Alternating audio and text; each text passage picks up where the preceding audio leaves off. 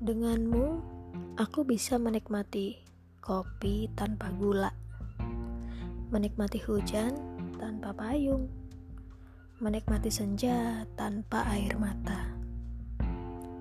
Denganmu, sekarangku ternyata melukis bisa tanpa kuas, berbicara bisa dengan tatap, tak perlu bersuara, sembuh tak perlu pakai obat